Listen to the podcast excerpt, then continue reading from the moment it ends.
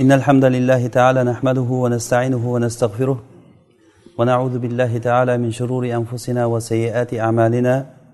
إنه من يهده الله فلا مضل له ومن يضلل فلا هادي له. ونشهد أن لا إله إلا الله وحده لا شريك له ونشهد أن محمدا عبده ورسوله.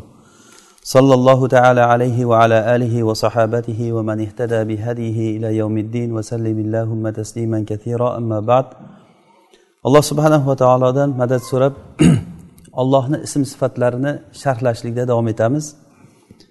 Alloh subhanahu va taolo o'zini bizlarga tanitdi va rasuli sollallohu alayhi vasallam tanitdi. Va kimki alloh taoloni qanchalik tanisa shu tanishligi miqdorichalik allohga ibodat qiladi. Alloh taolo qur'oni karimda aytganki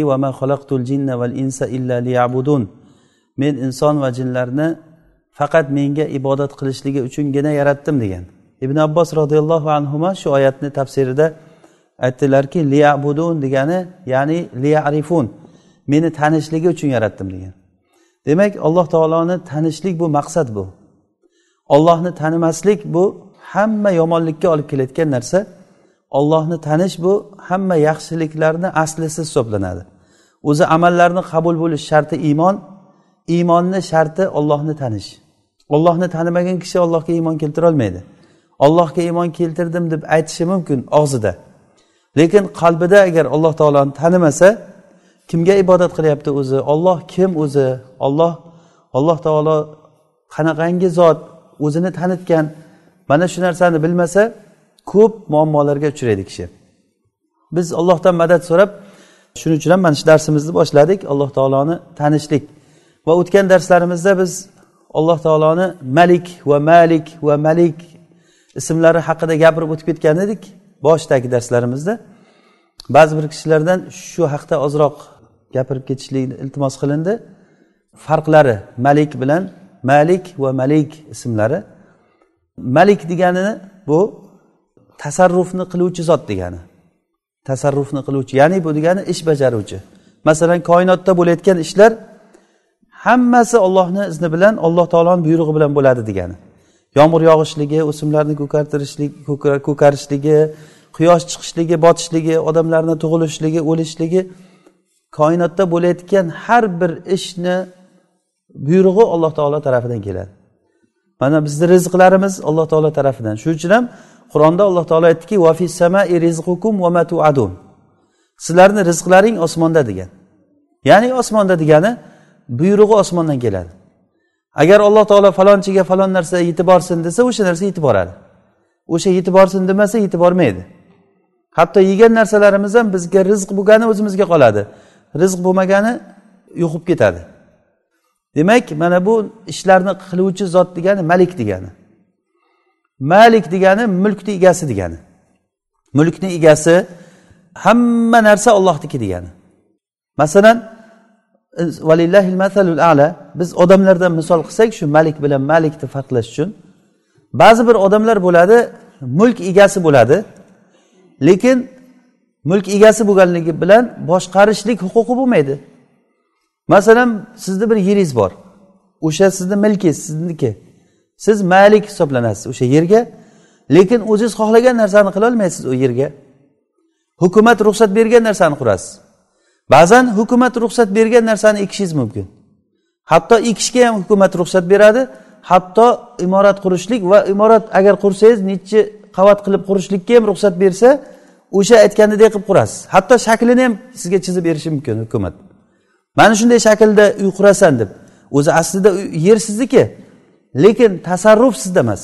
Tasarruf deganligi milk boshqa sizdan tepada bir xo'jayin bor degani. Mana bu malikni misoli. Ammo malik bo'lsa masalan tasarruf qilishlik mumkin o'zi molik emas. Masalan bir davlat rahbari malik tasarruf qila oladi xohlagan joyga uni buni e, buyuradi. Lekin vaqtincha masalan saylangandan keyin to'rt yil besh yildan keyin yana saylovdan o'tolmay tushib qolsa hech narsasiz bo'lib turaveradi u malik emas. Ya'ni uni qo'l ostida hech narsasi bo'lmasligi mumkin. Oylikka yashab yurib yurib ertaga ishdan bo'shagandan keyin hech narsasi bo'lib qolishi ham mumkin. Mana bu ikkala narsa bizga malik bilan malikni tushuntiradi. Ya'ni malik degani bu qaytarib aytamiz tasarruf qiluvchi degani malik degani bu mulkni egasi degani. Haqiqiy molik olloh haqiqiy malik olloh biz insonlarni malik va malik deb aytamiz lekin nimagadir nisbatan masalan biz hammamiz molikmizmi? Hammamiz molikmiz nimaga qo'l ostimizdagi narsaga? Hech bo'lmasa ustimizdagi kiyimga masalan. Yoki uyimizdagi ba'zi jihozlarga masalan. Ega bo'lishingiz mumkin molik. Va malik ham masalan bo'lishi mumkin. O'zini qo'l ostidagi narsaga tasarruf qiladi. Lekin noqis insonniki. Insonni qadri qanchalik ulug' bo'lmasin uni malikligi malikligi noqisligicha turaveradi undan ketolmaydi. Shuning uchun ham butun dunyoni boshqarib turgan podshohlarni ko'rasiz. Malik deb o'ylaysiz uni. Ya'ni uni aytgani aytgan degani degan degan podshohlar kimdandir qo'rqib yurganligini ko'rasiz. Hattoki o'sha podshohlar yo xotinidan qo'rqadi yo vaziridan qo'rqadi yoki boshqa podshoh boshqa davlatni podshohlaridan qo'rqadi. Qo'rqqanda ham nihoyat darajada qo'rqadiganlari bor. Nihoyat darajada bu uni malik degani emas demak. Yoki malik deydigan bo'lsak ham ba'zi narsalarga qo'l ostidagi narsalarga malik bo'ladi lekin u hamma narsaga molik mutlaq molik bo'lishlik bu faqat va faqat robbil alaminga xos bo'lgan narsa. O'zi haqiqatda olganda koinotdagi har bir narsani egasi olloh har bir narsani boshqaruvchisi o'zi. Demak malik degani boshqaruvchi degani malik degani egasi degani. Haqiqiy ega kim? Olloh haqiqiy boshqaruvchi kim? Olloh lekin shu dunyoda boshqa egalar boshqa bajaruvchi boshqa boshqaruvchilar davo qiluvchilar da'vogarlar borligi uchun ham alloh subhanahu va taolo o'zini haqiqiy malikligini haqiqiy molikligini ko'rsatish uchun qur'onda alhamdulillahi robbil alamin ar rohmanir rohim maliki yavmiddin deb aytdi. Ya'ni ba'zi rivoyatda maliki yavmiddin malik va malik ikkala ismi ham shu yerda rivoyatlarda kelgan. Nima uchun qiyomat kunini podshohi dedi? Agar maliki yavmiddin desak ma'nosi qiyomat kunini podshosi bo'ladi. Ya'ni qiyomat kunida hamma narsa ollohni mulki bo'ladi.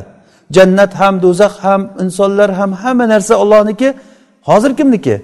Hozir ham ollohniki lekin da'vogarlar bor meniki deydiganlar bor. Lekin qiyomat kunida hech kim cho'qitolmaydi. Alloh taolo aytadi o'sha kunda limanil mulkul yavm bugun mulk kimniki? deganda hech bir odamdan sado chiqmaydi. Alloh taolo o'zi javob beradiki lillahil vahidil qahhar. Yolg'iz qahrlik bo'lgan qahhor ya'ni g'olib bo'lgan istagan ishini qiladigan ollohniki mana bu qiyomat kunida haqiqatiga ko'ra ko'rinadi. Butun insonlar uni tan oladi va malikligini tan oladi. Qiyomat kunida ollohni aytgani aytgan bo'ladi. Hatto farishtalar hatto payg'ambarlar eng ollohga yaqin bo'lgan payg'ambarlar ollohni iznisiz hech narsa qilolmay hamma o'zi bilan o'zi bo'lib qoladi. Ya'ni har bir odam o'sha kunda o'zi bilan o'zi bo'lib qoladi. Qiyomat kunini dahshatidan hatto payg'ambarlar ham hamma o'zi bilan o'zi bo'lib qoladi. Mana shu kunda haqiqiy molik haqiqiy malik olloh robbil alamin ekanligi hammaga ayon bo'ladi. Ammo malik bo'ladigan bo'lsa malik bu mubolag'a siyg'asi deyiladi. Bu malik va malikni mubolag'a ko'rinishi degani. Malik degani. Qur'onda innal muttaqina fi jannati va nahar fi maq'adi sidqin inda malikin muqtadir. Malikin muqtadir.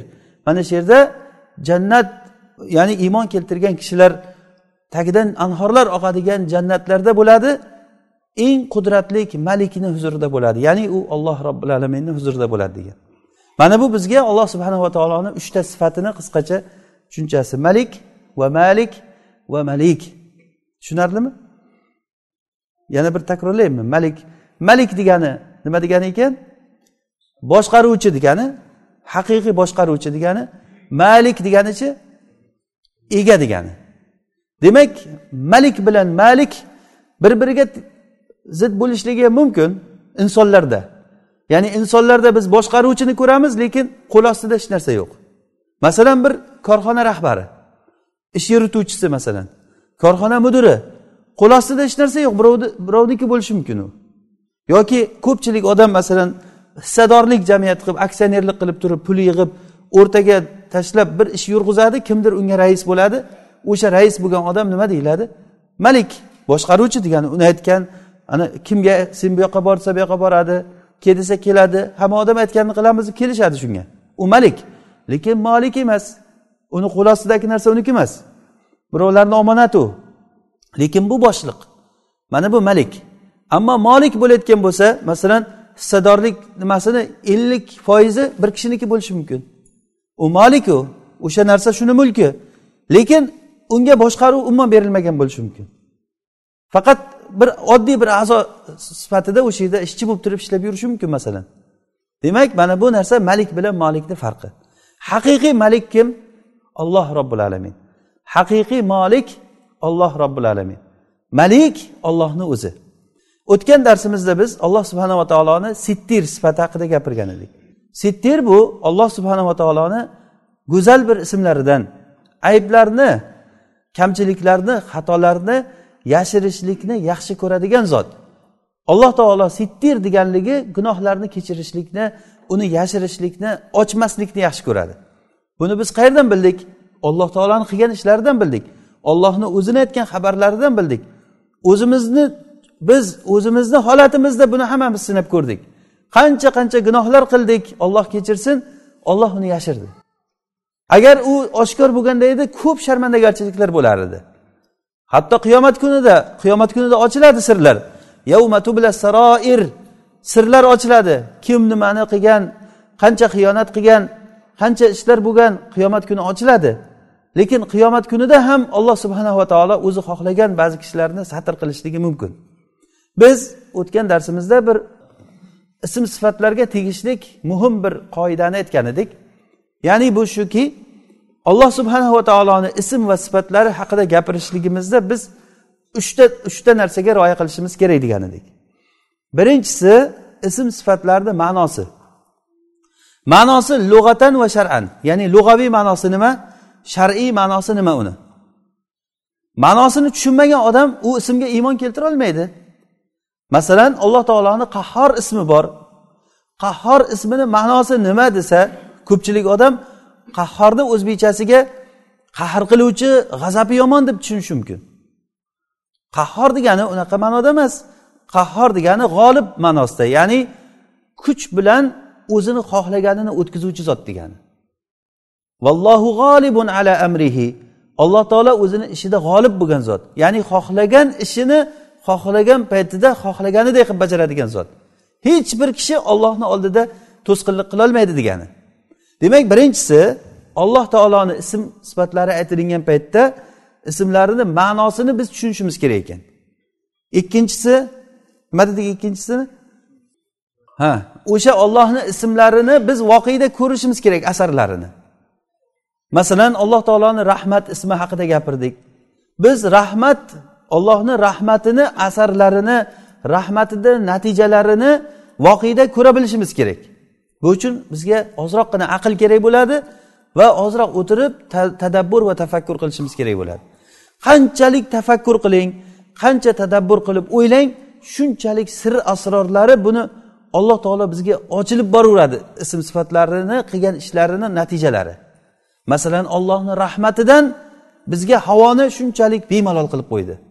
Ollohni rahmatidan yerni tekis qilib qo'ydi bizga. Ollohni rahmatidan havoni judayam sovuq qilib yubormadi judayam issiq qilib yubormadi ollohni rahmatidan bo'ldi shamol. Ollohni rahmatidan bizni yeydigan narsalarimizni yerdan bemalol ko'karib chiqadigan qilib qo'ydi oson qilib qo'ydi. Ovqatlarimiz hazm bo'lyapti ollohni rahmatini asari mana shu. Agar ollohni rahmati bizni o'rab olmasa bu narsalarda ahvol holimizga voy bo'ladi. Olloh rahmati bilan o'ramasa hech bir qimillashga iloj joyi qolmaydi odamni. Buni ollohni rahmatini ko'rsatish uchun ba'zi insonlarni qo'l oyog'i ishlamay qoladi bizga ko'rsatib qo'yadi o'shani alloh taolo. Hatto bir badani qichisa qo'li borib tindalashga kuchi yetmaydi. Buni ko'rib turib biz bilishimiz kerakki ollohni rahmati bo'lgan ekan. Agar ollohni rahmati bo'lmaganda meni ahvolim yomon bo'lar ekan. Ollohni rahmatidan bizni boshqa bir odamlarga o'xshab katta katta boy kishilar qilib yubormadi. Agar o'shalarga o'xshab boy bo'lganda boyligiga aralashib qolib odam ollohni tanishlikdan uzoqda qolib ketishi mumkin edi. Har bir ish ollohni rahmatini ko'raverasiz. Yusuf alayhissalom o'zlarini qamoqqa tushishliklarini ollohni rahmati dedi. Ya'ni alloh taolo menga rahm qilgan ekan qamalgan paytimda. Meni quduqqa akalarim olib borib tashlagan paytda ollohni rahmati bo'lgan ekan menga dedi. Bo'lmasa yuraverardi qishloqda akalari bilan. Erta ocharchilik bo'lgan paytda qayerga borardi bular keyin? Yusuf alayhissalom ollohni rahmati bilan qamaldi. Ollohni rahmati bilan misrni podshosiga vazir bo'ldi. Mana bu ollohni rahmatini asarlari. Demak biz ollohni har bir ismini asarlarini ko'ra bilishimiz kerak. Shulardan biri ollohni kecha o'tganimiz alloh taoloni sittir ismini asarlarini nimalarda ko'ramiz? Asar deganda bir arabcha gap bu. Asarni degani natijalari. Ollohni sittir ismidan kelib chiqadigan ishlar shuni biz ko'ra bilishimiz kerak. Vujudida voqelikda uni ko'ra bilishimiz kerak. Nimalarda ko'ramiz buni? Masalan alloh subhanava taoloni shariatida satrga bizni tezladimi? Ayblarni yashirishlikka buyurdi. Mo'min birodarlarni aybini yashirishlikka buyurdi. Birovni aybini ko'rib qolsang yashirgin hech kimga aytmagin dedi.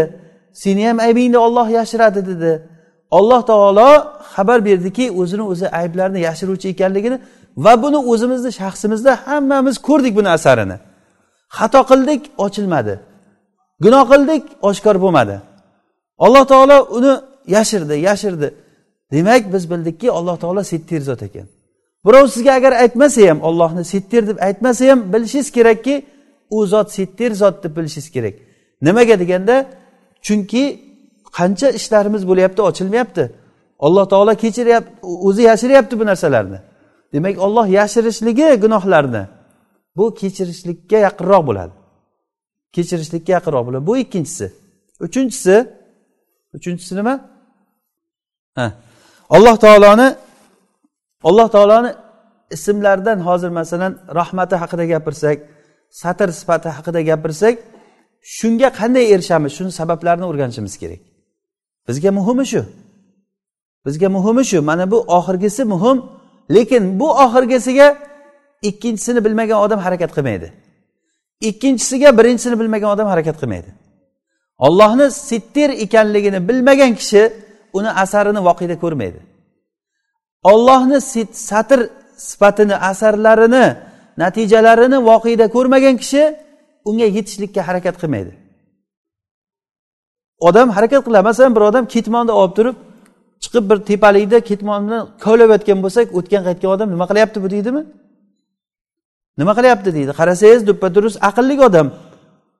Tinimsiz uch to'rt kundan beri shu yerda ishlab turpoqni kovlayapti keyin sizda qiziqish uyg'onadi nima qilyapti bu yerda? deysiz. Bir narsa kovlayapti bir narsani topgan bu deysiz. Agar ahmoqroq odam desangiz ha bu ahmoqda deb qo'yasiz. Lekin u aqlli odam bo'layotgan bo'lsa qilayotgan ishini ko'rganingizdan keyin yo bunda bir gap bor deyiladi.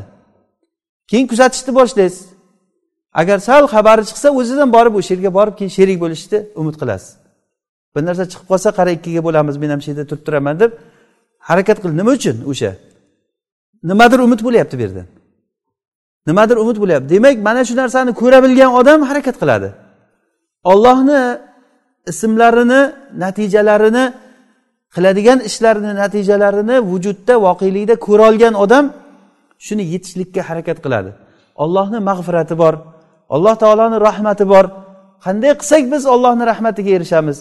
Qanday qilsak ollohni mag'firatiga loyiq odamlar bo'lamiz? Bu muhim narsa bu. Shundan kecha darsimizda biz ollohni settir ismidan ba'zi bir narsalarni aytgan edikki o'shalarni qilinsa ollohni satr qilishligi gunohlarni yashirishligiga biz erishamiz. O'sha sabablar bo'ladi inshaalloh. Shu darsimiz she'ri kelib qolgandi chala bo'lib qolgan edi shulardan biri sadaqa berishlik. Sadaqa berishlik bu gunohlarni insonni kamchiliklarini yashirishligiga olib keladi. Rasululloh sollallohu alayhi vasallam aytdilarki do'zaxdan agar xurmoni bitta dona xurmoni yarmini berib bo'lsa ham do'zaxdan saqlaninglar degan. Demak bu sadaqa berishlik kishini nimadan saqlab qoladi? Do'zaxdan satr qiladi. Do'zaxdan to'sib qo'yadi. Mana bu bitta sabablardan. Yana biri musulmon kishini mayit paytida jussasini yuvish paytida kamchiligini ko'rib qolsa yashirishlik. Masalan ba'zi bir odamlarni badanida bir kamchiligi bo'ladi. O'shani yashirib yurgan bo'lishi mumkin haloyiqdan. Keyin o'lik yuvishga kirgan paytda balkim ba'zi bir holatlar bo'lib qolishi mumkin unga. O'lim paytida ba'zi bir holatlar bo'lishi mumkin. Keyin o'likni yuvgan kishi manaqa chiqib olib turib falonchini men jussasini yuvishimda mana bunday bunday kamchiliklar ko'rdim. Yaxshi odam emas ekan u hammadan yashirib yurgan ekan. Unaqa ekan bunaqa ekan degan ayblarini aytishligi o'zini avratini ochish bo'ladi. Agar o'shani yashirsa uni ham aybi yashiriladi inshaalloh. Mana buni dalili taboroniy rivoyat qilgan hadisda buni shayx alboniy rahimaulloh hasan degan hadisda aytgan ekanlar rasululloh sollallohu alayhi vasallam man g'assala mayyitan satarahu fasatarahu yasturuhullohu minaz-zunub kimki agar bir musulmon kishini yuvib uni aybini agar yashirsa alloh taolo uni gunohlaridan satr qiladi gunohlarini yashiradi. Agar kim agar bir kishini kafan kafan bilan kafanlasa alloh taolo uni jannatda ipak mato bilan uni kafanlaydi e, kiyintiradi degan. Ya'ni al jazau min jinsil amal. Kim bir yaxshilik qilsa o'zini qilgan yaxshiligiga yaxshiligiga yarasha jazo oladi inshaalloh. Yana bir sabablardan biri g'azabni yutishlik.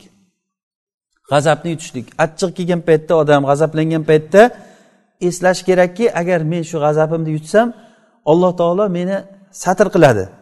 Buni ham dalili rasululloh sollallohu alayhi vasallam aytganlarki man kaffa g'adobahu satarallohu avratahu kim agar g'azabini yutsa alloh taolo uni avratini to'sadi degan. Avrat deganda bu yerda kamchiligi ma'nosida. Kamchilikdir. Hammamiz yaxshi ko'ramiz satr bo'lishligimizni. Kim xohlaydi? Gunohi ochilib ketishlikni. Hattoki olloh asrasin bu gunohlar ochilib ketishligi bu o'limdan ko'ra yomon narsa. Buni hammamiz his qilamiz. Ya'ni uyat o'limdan qattiq. Hamma eshitgan buni. Hamma biladi. Hammamiz xohlaymiz gunohlarimiz yashirilishligini va olloh kechirishligini. Demak shunga harakat qilish kerak. Alloh taolo har bir amalni bir sababga qurdi. Sababga qurdi. Shart qildi va'da qildi. Agar shu shartni bajarsang senga va'da shu dedi. Ho'p yana bir sabablardan biri duo qilishlik. Duo qilishlik. Ya'ni rasululloh sollallohu alayhi vasallam ko'pincha duo qiladilar ibn umar roziyallohu anhu rivoyat qilgan hadisda rasululloh sollallohu alayhi vasallam mana shu duolar bilan kechqurunu ertalab duo qilishlikni hech tashlamasdilar. Allohimma inni as'aluka al-afiyata fid dunya val axira اللهم إني أسألك العفو والعافية في ديني ودنياي وأهلي ومالي اللهم استر عوراتي وآمن روعاتي mana shu joyi bizga hozir kerak joyi allohimma astur avroti va amin ravati ey ollohim meni kamchiliklarimni o'zing satr qilgin va meni va amin ravati men qo'rqadigan narsalardan meni omonda saqlagin ofiyatni so'rash O'zi duoni boshida ham allohimma inni asalukal afiyata fid dunya val axira ey ollohim dunyo va oxiratda sendan ofiyatni so'rayman. Biz ollohdan ofiyatini so'raymiz. Dunyomizda oxiratimizda molimizda ahlimizda hamma holatlarimizda alloh taolodan ofiyatni so'raymiz va avratlarimiz kamchiliklarimizni alloh taolo fosh qilmasligini allohdan so'raymiz. Mana bu duo qilib yurishlik ham bu satr qilishlikka alloh taolo ayblarni odamlar ichida ochib yubormasligiga sabab bo'ladi. Yana biri alloh taologa chiroyli gumon qilishlik. Alloh taolo settir zot deb qanchalik biz iymon keltirib shu ism bilan ollohga ibodat qilsak agar alloh taolo inshaalloh gunohlarni sharmanda qilmaydi. Siz ollohga qanday gumonda bo'lsangiz alloh taolo shunday bo'ladi. Qiyomat kunida haloyiqlar ichida ey falonchi chiq sen esingdami falon ishlarni qilgansan? deb alloh taolo sharmanda qiladi bizni deb o'ylaymizmi shuni? Yoki ollohga gumonimiz qanday? Alloh taolo inshaalloh bizni kechiradi gunohlarimizni satr qiladi o'zi sharmanda qilmaydi inshaalloh deb umid qilamizmi? Olloh karim zot olloh settir zot. Ollohga qanday gumon qilsangiz alloh taolo shunday bo'ladi. Demak biz ollohga yaxshi gumon qilishimiz kerak. Hadis qudusiyda alloh taolo aytadiki ana inda zonni abdi bi. Men bandamni menga bo'lgan gumonidaman agar yaxshi bo'lsa yaxshi yomon bo'lsa yomon. Mana bu hadis e, nimada? E, Sahihul jamiyada keltirgan ekan buni. Alboniy rahimaulloh keyin yana bir sabablardan biri qizlarga yaxshilik qilishlik. Oysha roziyallohu anhu aytadilar bir kuni meni oldimga bir ayol ikkita qizchasi bilan kirib keldida narsa so'radi degan.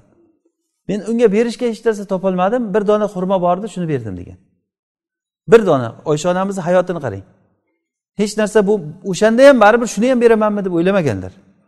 U kishini fiqhini tushungan odam ko'rasizki bir kuni bitta uzum donasini bergan ekan sadaqa qilib. Uzumni bitta donasini sadaqa qilib berganlarida yonida ko'rib turgan xizmatkori aytgan ekanki ey ummul mo'minin shuni ham berasizmi? degan. O'zi boshqa narsa bo'lmaganda berishga. Shuni ham berasizmi? deganda unday demagin dedilar. Alloh taolo qur'onda aytganki kim zarra misqolichalik yaxshilik qilsa uni jazosini ko'radi degan. Bu uzumda ko'rasanmi nechta zarra bor bunda degan. Unda milliardlab zarra bor. Alloh taolo bir zarracha yaxshilik qilsa uni jazosini oladi deyapti. Demak yaxshilikni hech qachon ma'rufni siz haqir sanamang. Ehtimol sizda o'sha bir dona bergan narsangiz sizga asqotib qolar mana haligi itga suv bergan e, kishini voqeasini hammamiz eshitganmiz. Bitta itga suv berib najot topib ketdi to'g'rimi? Bunaqa ishlar hammamiz boshimizdan o'tishi mumkin. Endi hozir masalan itlarni yig'ib ularga suv bersa u narsa hosil bo'lmasligi mumkin.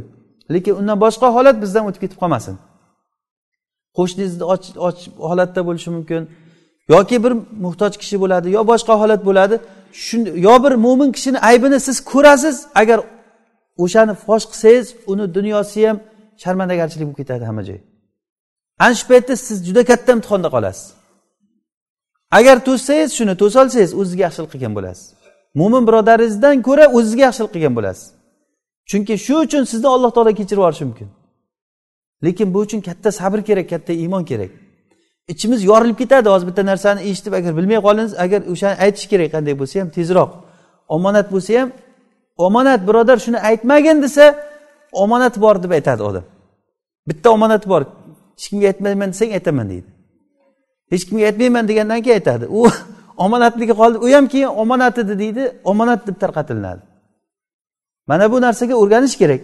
Satr qilsak biz bilaylikki alloh taolo bizni satr qiladi. Keyin oysha onamiz haligi xurmoni ayolga berganda haligi ayol o'zi yemasdan ikkiga bo'lib nimaga berdi? Yarmini bu qiziga yarmini bu qiziga berdi. Va chiqib ketdi. Ya'ni o'zi yemasdan bitta nimasini yedi bitta xurmo bo'lsa shuni berdi. Shunda rasululloh sollallohu alayhi vasallam kirib kelganlarida oysha onamiz shu voqeani aytib berdi. Bir ayol keldi ikkita bolasi bor ekan so'radi hech narsa topolmadim. Bitta xurmo berdim ikkiga bo'lib ikkita qiziga berdida chiqib ketdi. Rahmi kelgan ya'ni holatiga. Shunda rasululloh sollallohu alayhi vasallam aytdilarki kim agar mana shunday qizlar bilan imtihon qilinsa ya'ni alloh taolo imtihon qilinsa degan. Chunki bu imtihon deganliklari voqelikdan kelib chiqib aytganlarda odamlar qizni xush ko'rmaydi. Go'yoki qiz berilgan kishi ollohni hadyasi berilinmaganday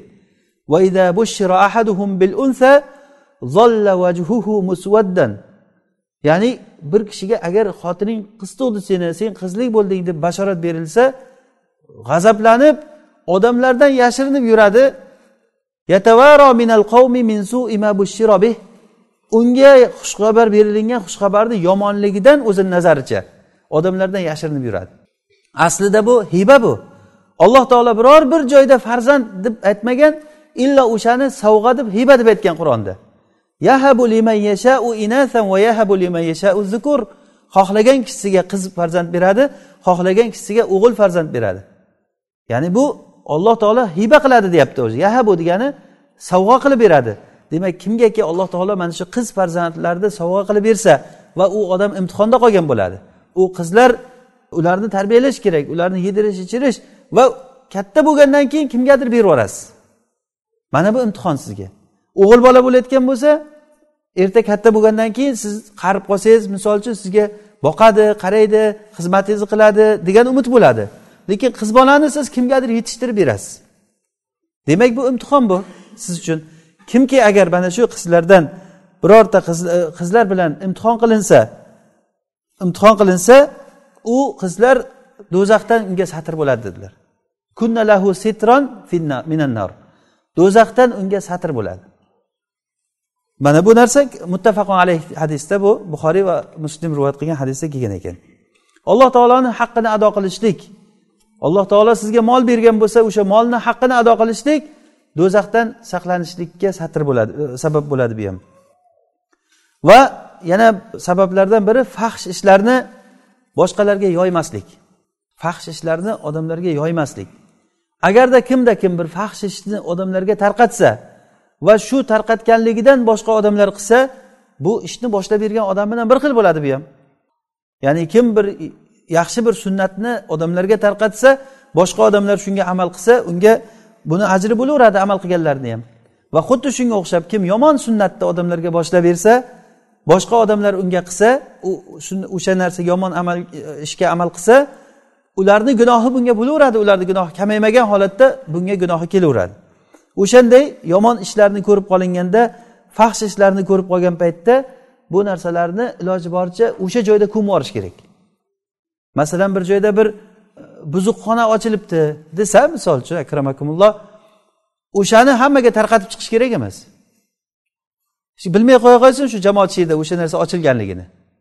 Tamom indamay qo'yavering faxsh ishni buni haligi hozirgi til bilan aytganda reklama qilish kerak emas. Reklama qilib odamlarga unaqa bo'libdi bunaqa bo'libdi endi uni bir ogohlantirishlik uchun yomonlikni tarqalib ketganligiga bir misol tariqasida aytsangiz ha ho'p u boshqa lekin siz o'sha aytish paytingizda gapingiz bir reklama bo'lib qolishi kerak emas. Gapingiz xuddiki bir faxsh ishlarni rivojlantirishlikka olib kelib qolmasligi kerak. Demak iloji boricha faxshni yo'qotishga harakat qilinsa alloh taolo unga o'sha nimasiga javob beradi. Ishiga qarab. Yana biri ayol kishini hijobi. Ayol kishini hijobi bu satr ya'ni olloh uni gunohlarini va uni avratlarini to'sishlikka olib keladi. Ayol kishi o'zini o'zi avratini ochsa odamlarni ichiga avratini ochib chiqsa hatto shu darajada chiqsaki ko'rgan odam gunohkor bo'ladigan bo'lsa uni o'ziku nima bo'lsa bo'lgan uni ko'rgan odam gunohkor bo'ladigan butun jamiyatni yurgan yo'lida avtobusga minadimi moshinga minadimi ko'chada bozorda yuradimi urilib surilib odamlarga erkaklarga uyatsiz bo'lib turib sharmanda bo'lib avratini ochib hamma joyga o'zini shunaqa qilib gunohkor bo'lib boshqalarni ham gunohkor qilib yursa qanday qilib turib unda satr qoladi? Qanday qilib turib uni avrati yopiq bo'lib qoladi? O'zi avratini o'zi ochgan bo'lsa bu. Oysha onamizni oldilariga oysha onamizni oldiga kuf e, nimadan shomdan bir ayollar kelgan ekan. Shomdan keldi sizlar sizlar qayerdansizlar deganda biz shomdan falon joydan keldik. Shunda oysha onamiz aytgan ekanlarki ayollari hammomga kiradigan shahardanmisizlar degan ekanlar. Ayollari jamoat jamoat bo'lib turib hammomga kiradigan. Unda arab diyori hijoz yerlarida unaqangi hammomlar bo'lmagan.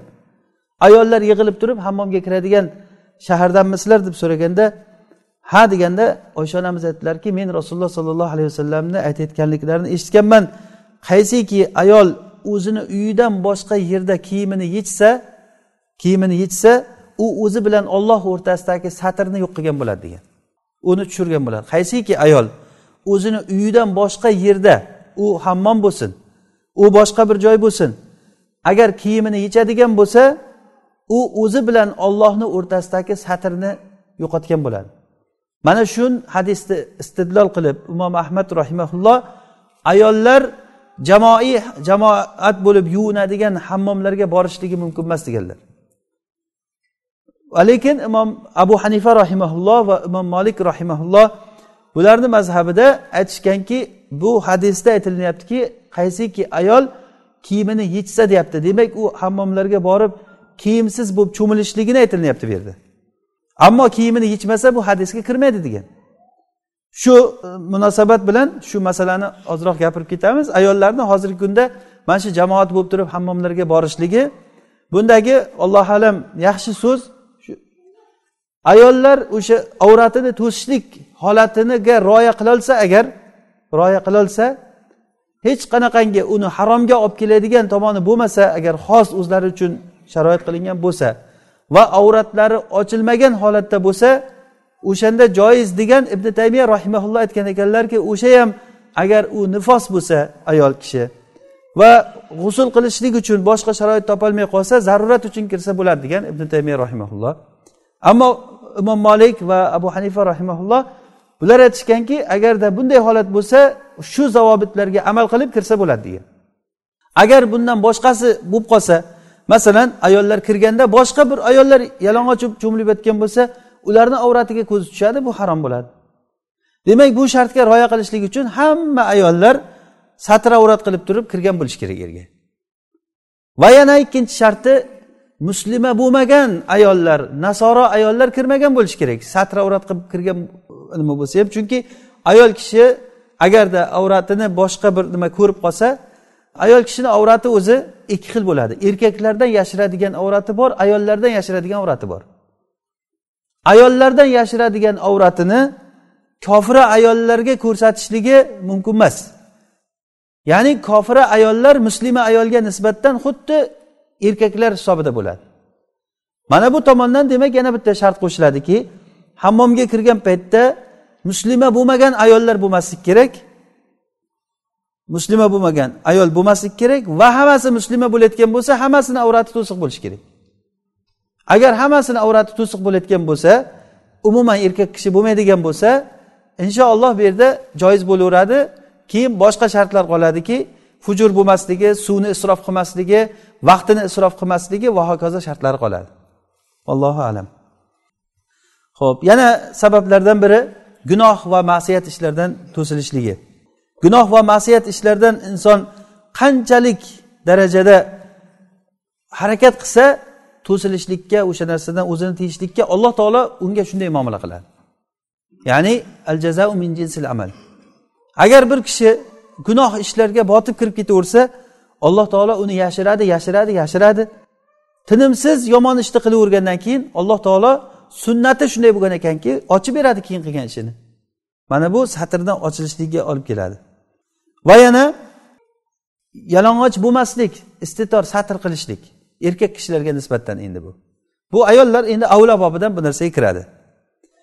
Jabir ibn abdulloh roziyallohu anhu aytadilar rasululloh sollallohu alayhi vasallam aytdilarki man kana yu'minu billahi val yawmil akhir fala yadkhulul hammama bighayri izar. Kimki ollohga va oxirat kuniga iymon keltirgan bo'lsa hammomga izorsiz kirmasin deganlar.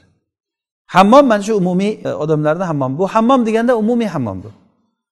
Ammo yolg'iz bir o'zi cho'miladigan hammom bo'lsa bir o'zi cho'miladigan va kichik bo'lsa hammom eshigi quflanadigan bo'lsa bunda izorsiz kirib cho'milsa bo'laveradi.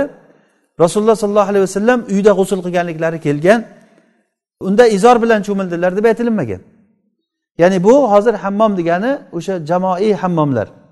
Hamma odam boradigan masalan erkaklar aralash cho'miladigan joylarda. Mana shunda izorsiz bo'lsa bu gunoh hisoblanadi va odamni satri ketadi bunda. Va yana sabablardan biri hozirgi kundagi eng katta tarqalgan ishlardan biri er xotin o'rtasidagi sirni tarqatishlik. Er xotin o'rtasidagi sirni tarqatishlik. Rasululloh sollallohu alayhi vasallam bir kuni aytdilarki sizlarni ichlaringda ahlini oldiga kirsa va uyga kirgandan keyin eshikni quflasa olloh o'zini satrini uni ustiga tashlaydimi yo'qmi? dedilar. Ya'ni nima degani bu? Uyga kirsangiz eshikni quflasangiz hech kim ko'rmaydimi sizni? Uyni ichida paytingizda ha shunaqa bo'ladi. Shunda ayollarga qarab ham xuddi shu gapni aytganlar. Keyin aytdilarki alloh taolo o'zini satrini to'sib uni odamni aybini yashirsa keyin chiqib olib turib o'zini xotini bilan qilgan ishini ko'chada odamlarga gapirib beradi. Unaqa qildim bunaqa qildim. Bunaqa odam bormi ichlaringda dedilar. Hech kim javob bermadi hamma jim bo'ldi.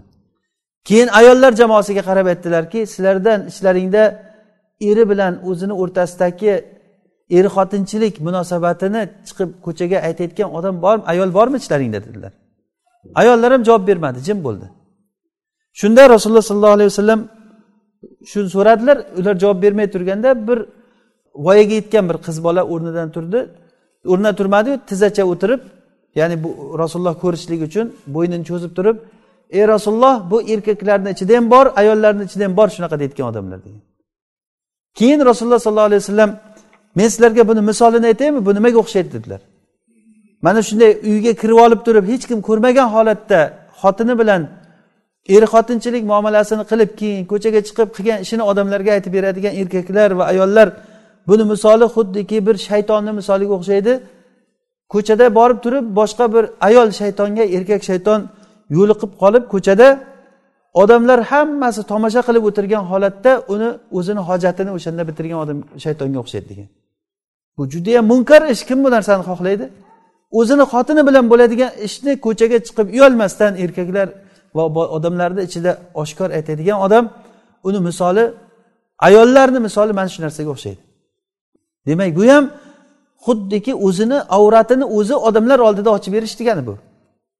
Mana bu narsani alloh taolo yaxshi ko'rmaydi. Afsuski bu narsa bor odamlar ichida. O'zini ishini boshqalarga gapirayotgan ayollar erkaklar mana bu narsa judayam yomon ish munkar ish. Agar bu ishdan to'xtamasak alloh taolo satrni olib qo'yadi olloh asrasin.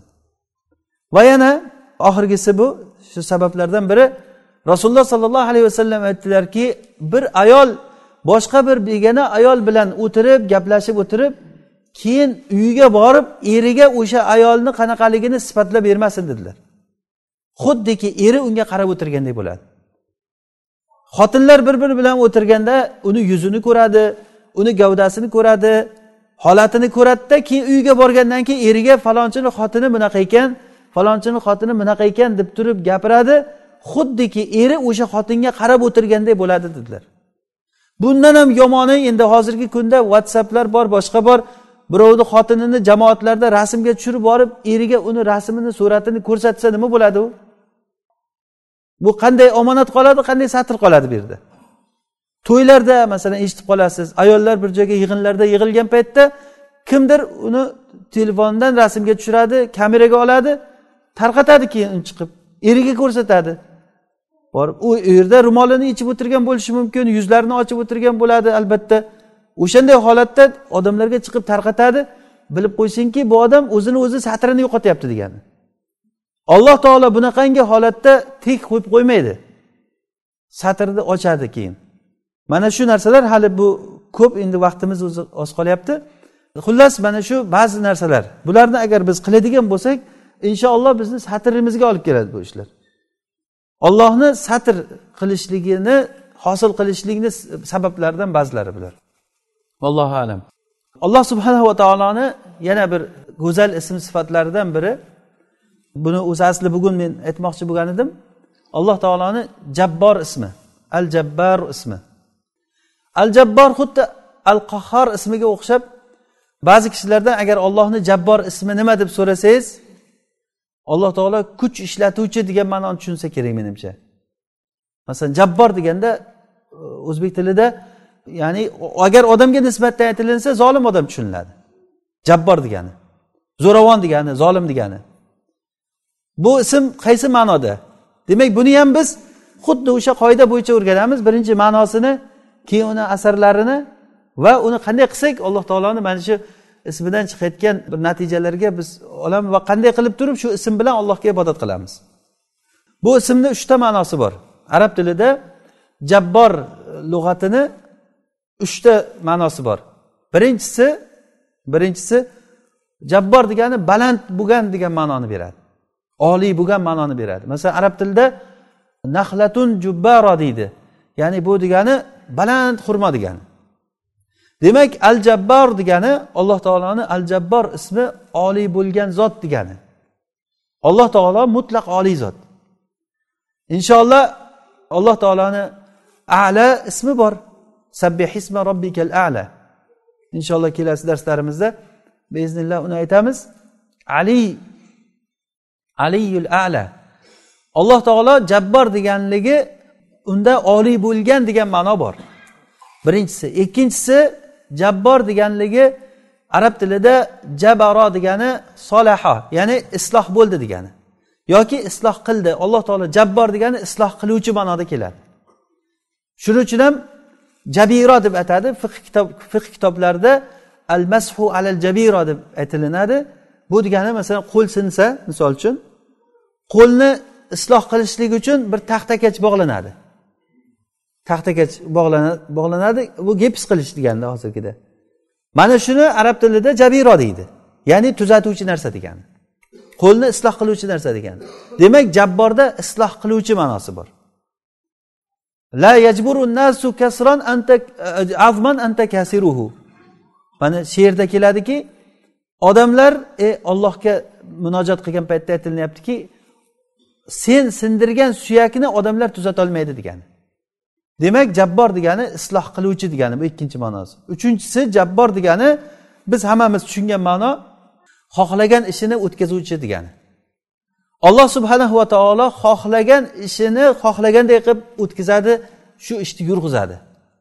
O'zini jabbor sifati bilan koinotni o'zi xohlaganday qilib yaratdi.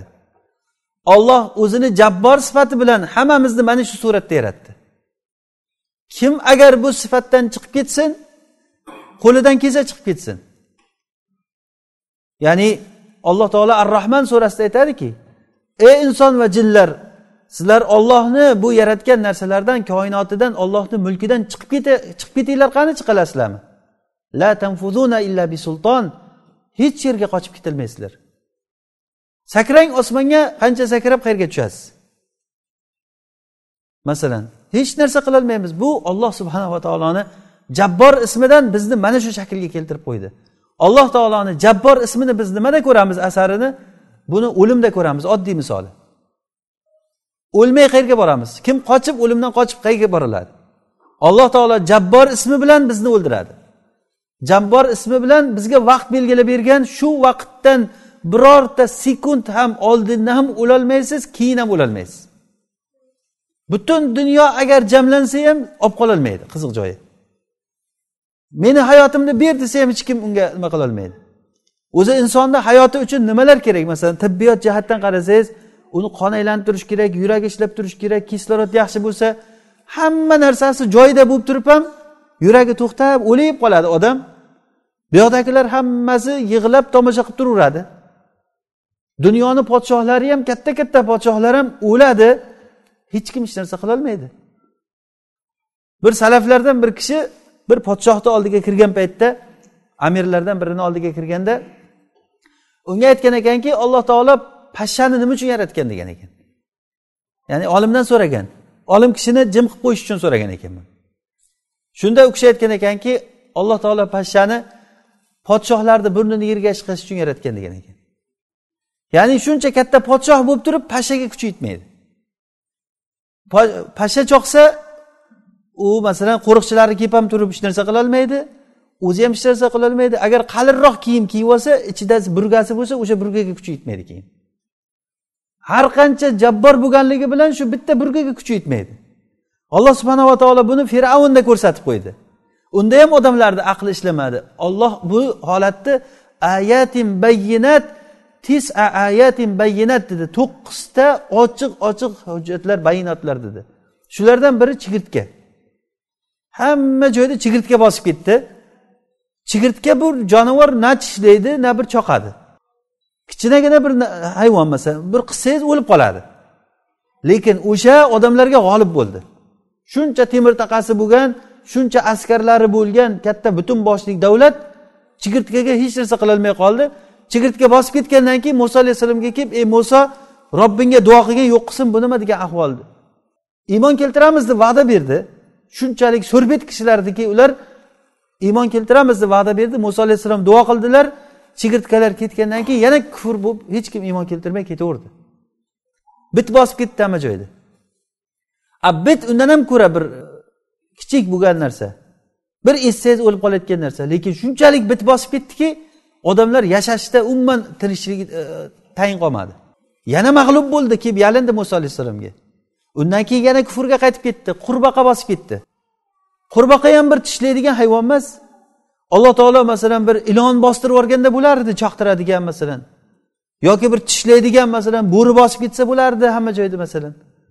Yo'q u narsani xohlamadi alloh taolo aynan qurbaqani tanladi. Nega? Qurbaqa ham bir beozor hayvon. Lekin jirkanch masalan hayotni lazzatini ketkazadi. Ovqat yeyishda ovqatni ichidan qurbaqa chiqib qoladi. Qozon bitta qurbaqani olib chiqib tashlasa o'nta qurbaqa kirib qolgandek bo'ladi uyga.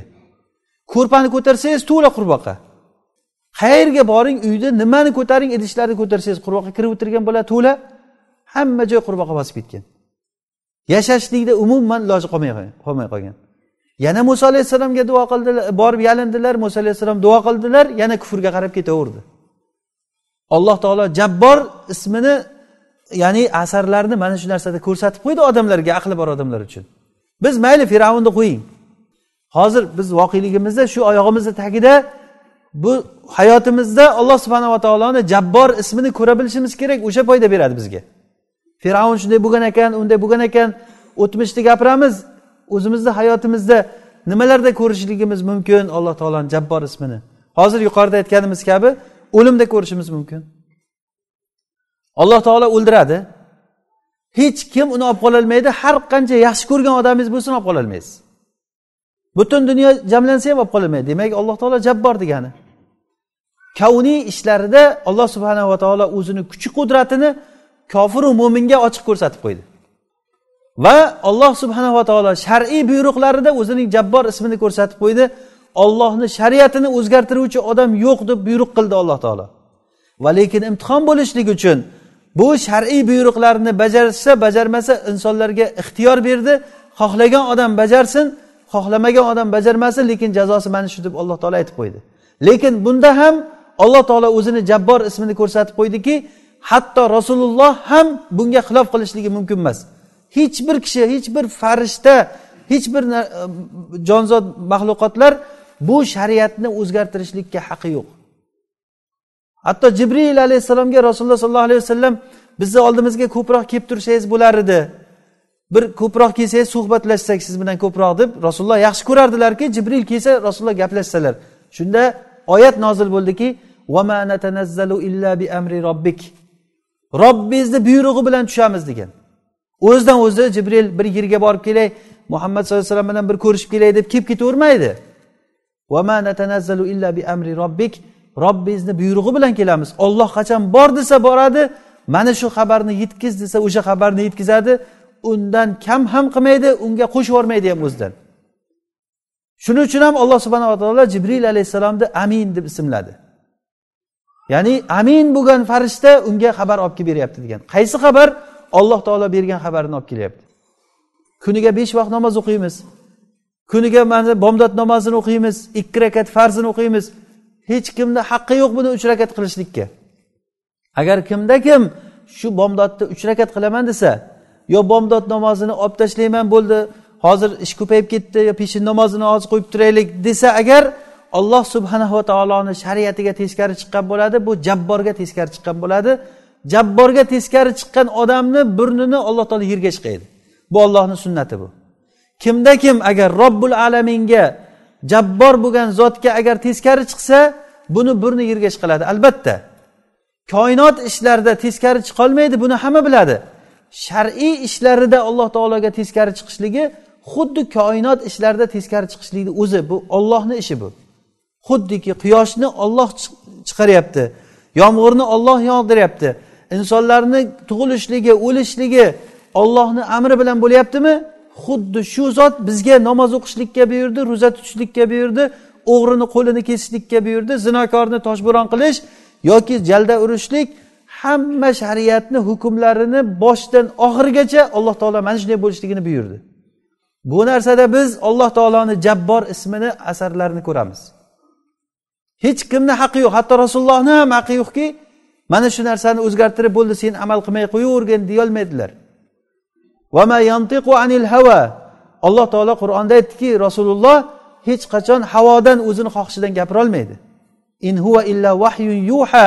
Bu rasulullohga beriladigan vahiy boshqa narsa emas. Agar kimda kim shu narsaga teskari chiqsa robbil alaminga teskari chiqqan bo'ladi. Demak alloh subhanava taoloni jabbor ismi uchta ma'noni berar ekan. Birinchisi oliy degan alloh taoloni oliyligi ikkita ma'noda uluvi zat va uluvi sifa deyiladi. Alloh taolo ham zoti bilan oliy ham sifatlari bilan oliy. Ham sha'ni ulug' alloh taoloni. Mana bu ma'noni beradi va ikkinchisi jabbor deganligi isloh qiluvchi ma'noda.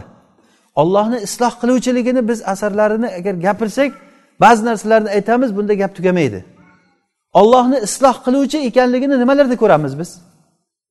Isloh qiluvchi qancha qancha xafa bo'lgan holatlaringizda alloh taolo qalbingizni shod qilmadimi? Qancha eri o'lgan ayollar endi nima qilaman ekan erim o'lib qoldi degan paytda o'zini eridan ko'ra yaxshiroq erni alloh taolo nasib qilib hayotini undan ko'ra yana ham baxtli qilmadimi?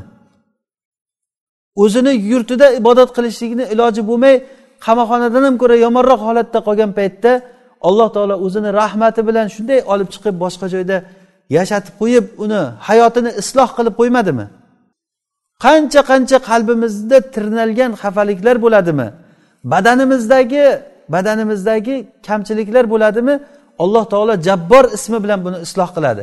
Bir joyiz agar bir tindalib nima qilib ketsa o'shani tuzatadigan olloh o'shani olloh taolo tuzatadi. Agar suyak sinsa suyak bitadi. O'zi bitmasa ham bo'lardiku bu. Sinsa bo'ldi sinib qolman cho'p singandan keyin bitmaydiku. Ikkita cho'pni bir biriga nima qilib qo'ying? Xuddi cho'pdek narsa bu suyak ham. Lekin suyak shunchalik bitadiki ikkinchi o'sha joydan sinmaydi agar sindirsangiz. Bitta suyak agar bir joydan sinsa ikkinchi sinishda o'sha bitgan joyi boshqa joylaridan ko'ra mahkam bo'lar ekan. Albatta boshqa joydan sinar ekan. Alloh taoloni tuzatgan narsasi sinmaydi. Mana bu alloh subhanava taoloni jabbor ismini biz asarlarini ko'ramiz. Soch to'kilsa o'rnidan boshqa chiqadi. Insonni bir joyi yara bo'lsa tuzaladi. Hamma narsa isloh bo'lyapti.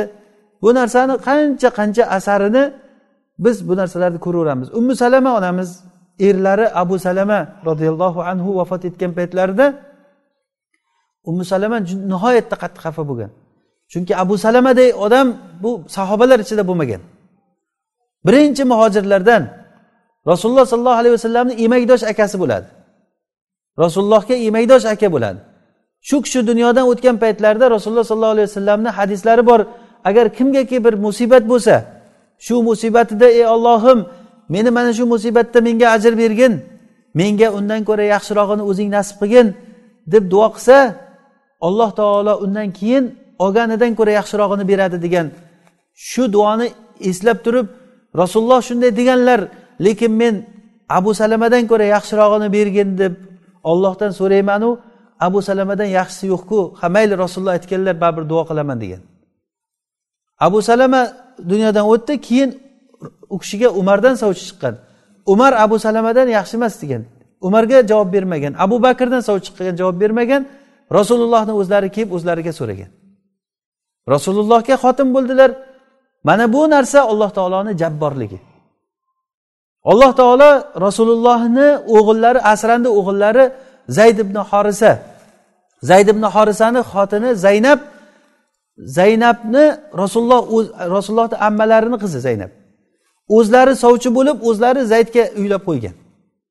Keyin hayotlari o'xshamadi ikkovsi kelishmadi taloq bo'ldi zaynab. Zaynab taloq bo'lgandan keyin olloh buyurdiki rasulullohga zaynabga uylangin deb. Zaynabga uylangin deb alloh taolo buyurdi rasulullohga. Shunda rasululloh sollallohu alayhi vasallam juda qattiq hijolatda qoldilar. O'zini o'g'lini xotiniga uylanganday bo'lyaptilar. Chunki zaydni zayd ibn horisani rasululloh zayd ibn muhammad deb ismlaganlar. O'zini o'g'li qilib turib asrandi o'g'illari bo'lgan. Asrandi o'g'illarini xotiniga qanday qilib uylanaman? Bu hijolatchilikdan rasululloh sollallohu alayhi vasallam hijolat bo'lib qoldilar. Alloh taolo dashnom berib oyat tushirdiki odamlardan hijolat bo'lasizmi? Olloh buyurgan narsani bajaring olloh sizni uylantirdi degan oyat tushdi. Shuning uchun ham zaynab onamiz faxrlanib aytar ediki sizlarni hammalaringni deb kundoshlariga aytardilar. Sizlarni hammalaringni ahllaring nikohlab bergan meni yetti qat osmon tepasidan robbil alamin nikohlagan der ekan. Mana bu olloh subhanava taoloni jabborligi. Alloh taolo bir narsani qilishlikni xohlasa agar olloh bir narsani sizga agar yaxshilikni berishlikni xohlasa uni butun dunyo oldidan chiqib to'xtatib qolaman shu ne'matni desa hech kim to'xtatib qololmaydi agar olloh bizga bir rahmatini yog'diraman desa kim u rahmatni ushlab qola oladi agar alloh taolo bizga azobini agar olloh asrasin tushiraman desa kim bizga rahmat ko'rsata oladi? Oddiy kasal bo'lgan odamga hech kim shifo bermasa kambag'al odamni kim boy qiladi? Kasal odamga kim shifo beradi? Kim umr beradi kim o'ldiradi kim tiriltiradi? Hammasini javobi bitta olloh jabbor bo'lgan zot. Alloh taolo o'zi qiladi mana shu ishlarni. Demak mana bu uchta ma'noni ham biz ko'rishimiz mumkin.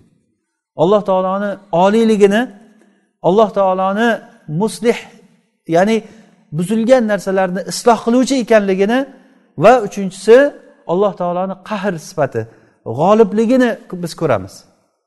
Mana shu jabbor ismidan uchta ma'no chiqadi. Yana takror aytamiz. Uchta ma'no. Birinchisi ollohni oliyligi oliy zot yuqori zot degani. Oliy deganda ham zoti oliy ham sifati oliy bo'lgan zot. Alloh taolo sifatlarida eng oliy bo'lgan zot. Ollohchalik hech qanday hech qanday bir boshqa mavjud narsa yo'q. Va uchinchisi ikkinchisi alloh taoloniki isloh qiluvchi degani. Isloh qiluvchi isloh qilishlikda hamma narsani alloh taolo bu ham moddiy isloh qilishlik ham ma'naviy isloh qilishlik kiradi bunga. Va uchinchisi alloh taoloni g'olib ma'nosi bor bu yerda. Jabbor deganligi o'zini xohlagan ishini xohlaganday qilishlik qiladi degan. Demak biz alloh subhanava taolodan so'ragan paytimizda mana shunday e, duolar bilan so'raymiz. Ya'ni shu ma'nolar bilan alloh taologa ibodat qilamiz biz. Yaqub ibn abi sufyan degan kishi o'ttiz yil hadis talabida yurgan ekanlar. O'ttiz yil hadis talab tolib ilm bo'lgan u kishi o'ttiz yil ilm talabida yurib bir kuni kechqurun uyda hadis yozib turgan paytda qorong'u qorong'u yomg'ir yog'ib turgan paytda sovuq ekan ham ham qorong'u bo'lib turganda uyni tomi chiqib tushib ketib yuzlariga loy tushgan ekan. Shu loy tushib ko'zlariga loy kirib ketib ko'zi ojiz bo'lib qolgan ekan. Ko'zi ko'rmay qolgan. Shunda juda qattiq xafa bo'lgan ekan u kishi. Ko'zim ko'rmay qoldi deb. Keyin uxlaganda tushlariga rasululloh sollallohu alayhi vasallam kirgan. Rasululloh ko'rib e, nima bo'ldi holing? deganda keyin yig'lagan ekan. Keyin nimaga yig'layapsan? Ko'zing ojizligiga yig'layapsanmi? desa yo'q qur'on o'qiyolmay qoldim shunga yig'layapman degan. Shunda rasululloh bu yoqqa kelgin deb yaqinlashgin degan. Yaqinlashgandan qo'llarini yuzimni ustiga qo'ydida duo qildilar degan. Duo qildilar keyin o'sha payt uyg'onib ketdim uyg'onsam ko'zim ochiq degan. Ya'ni buni e, ibn kasir rahimaulloh bidoya va nihoya kitobida shu kishini manaqiblarida keltirgan ekan. Ya'ni muhaddislardan bu kishi yaqub ibn abi sufyan degan kishi. Ya'ni bu bir misol ya'ni alloh subhanava taoloni isloh qiluvchi ekanligiga bir misol. Alloh taolo isloh qilsa xohlaganidek qilib isloh qilib qo'yadi. Xohlagandek isloh qo'yadi. Masalan ayub alayhissalom bir misolini hammamiz bilamiz. Ayub alayhissalomni misolida qanday kasallikni alloh taolo berdi u kishiga? Badanida sog' joyi qolmadi. Hamma joyi kasal bo'ldilar. Faqat tili va qalbi qoldi. Xotinlari xizmatida edi. Farzandlarini hammasi o'ldi. Hammasi bir o'tirganda o'g'illari isroiliyotlarda kelgan lekin o'lganliklari e, sahiy xabarlar ularni sonlari hammasi chiroyli baquvvat bolalar bo'lgan o'n bitta yigit bo'lgan deb ham keladi. Bitta uyda ovqat yeb o'tirgan joyida shunday tom bosib qolib hammasi o'lgan. Shartta shayton xushxabarni olib kelgan o'g'illaring o'ldi deb. Olloh beruvdi o'zi olloh olibdi deb allohga hamd aytgan u kishi. Sog'ligi ketgan farzandlari ketgan moli dunyosi ketgan oxiri qishloqdagi odamlar u kishini haydab chiqarib yuborgan qishloqdan. U kishini yaxshiligi bilan kun ko'rib yurgan odamlar yaxshiligi tegib yurgan odamlar ket bu yerdan ketmasang bizni bolalarimizga ham sen zararing tegadi deb qishloqni bir chekarog'iga chiqib yashab tursalar uzoqroqqa ketmasang senga kuchuklarimizni jo'natamiz deb haydagan u kishini. Oxiri nima bo'ldi? Alloh subhanava taolo o'zi isloh qildi. Va ataynahu ahlahu va mislahum ma'ahum rahmatan min indina va zikro li ulil albab. Alloh taolo aytadiki biz unga ahlini molini o'shancha mislicha qaytarib berdik. Oldingi qanday bo'lsa ba'zi tafsirlarda ikki barobar qilib qaytarib berdik deyilgan. Alloh taolo isloh qiluvchi bo'lgan zot. Rasululloh sollallohu alayhi vasallam makkadan haydalib chiqqan paytlarida juda qattiq xafa bo'ldilar. Yoshligidan o'sgan makkadan ahli robbim olloh deganligi uchun haydab chiqqanligiga rasululloh qattiq xafa bo'lgandilar. Alloh taolo u kishiga makkadan ko'ra madinani ahli bilan birga hadya qildi rasulullohga. Hech xayolimizni oldiga keltirib ko'ring rasulullohni madina ahli kutib olishligini. Makkada qanday bo'lib yurgan kishi makkadan quvilib chiqsa madina ahli qanday qilib kutib olyapti? Odamni xayoliga ham kelmaydigan narsa va ozroq vaqtdan keyin makkaga qanday holatda qaytib kelyaptilar? Birorta odam qarshi chiqolmagan lekin rasululloh sollallohu alayhi vasallam o'shanda boshlari egarga tegay deb engishib kelganlar. Chunki rasululloh bu ishlarni hammasini jabbor qilayotganligini yaxshi bilardilar. Toifga da'vatga borgan paytlarida toif ahli rasulullohni toshbo'ron qilib urib quvlab chiqarib yubordi hech hayotida ko'rmagan xorlikka o'xshagan odamlar tarafidan bir yomon muomalani ko'rdilar rasululloh. Hatto rasulullohdan eng xafa bo'lgan paytingizni eslaylasizmi deganda shu voqeani aytib bergan ekanlar. Men bordim ularga toifni da'vat qildim da'vatimga javob bermadi. Hech bo'lmasa meni sizlarga kelganligimni aytmanglar ahlimga desam odam yuborib yoqqa ham xabar qilib qo'ydi ular degan. Haligi bo'lmag'ur odamlar bo'lgan. Hech bo'lmasa da'vatga javob bermagandan ularni bir yomon narsaga chaqirib kelgani yo'q. Da'vat qilib kelsalar ho'p da'vatiga quloq solmasa hech bo'lmasa odamgarchilik yuzasidan indamay qo'y. Odam yuborib turib makka ahliga ham aytib qo'ygan makka ahli ye hali bizni u toif bilan urushtirmoqchi bo'libdida bu. Bo'ldi kirgizmaymiz makkaga deb turib o'zini shahriga o'zini uyiga kirgizmaslikka qasam ichib o'tirgan makka ahli. Mana shunday qattiq qiyinchilikda rasululloh sollallohu alayhi vasallamni alloh taolo isro merojga olib chiqdi. Bashariyat umuman bu narsani ko'rmagan ikromni alloh taolo ko'rsatdi. Rasulullohni qalblarini alloh taolo shod qildi. Buni misollarini juda ko'p ko'rishimiz mumkin. Kimki agar kibrlanib faxrlangan bo'lsa alloh taolo uni sindirgan. Odamlar mana shu sifatni agar yaxshi bilsak agar o'zini jabbor bo'lishligidan saqlash kerak alloh taolo qayerda agar insonlarga jabbor sifatini ishlatsa yomonlik bilan ishlatgan. Ala qalbi kulli mutakabbirin jabbar. Har qanday zo'ravon bo'lgan mutakabbir qalbga biz pechat urib qo'yamiz degan.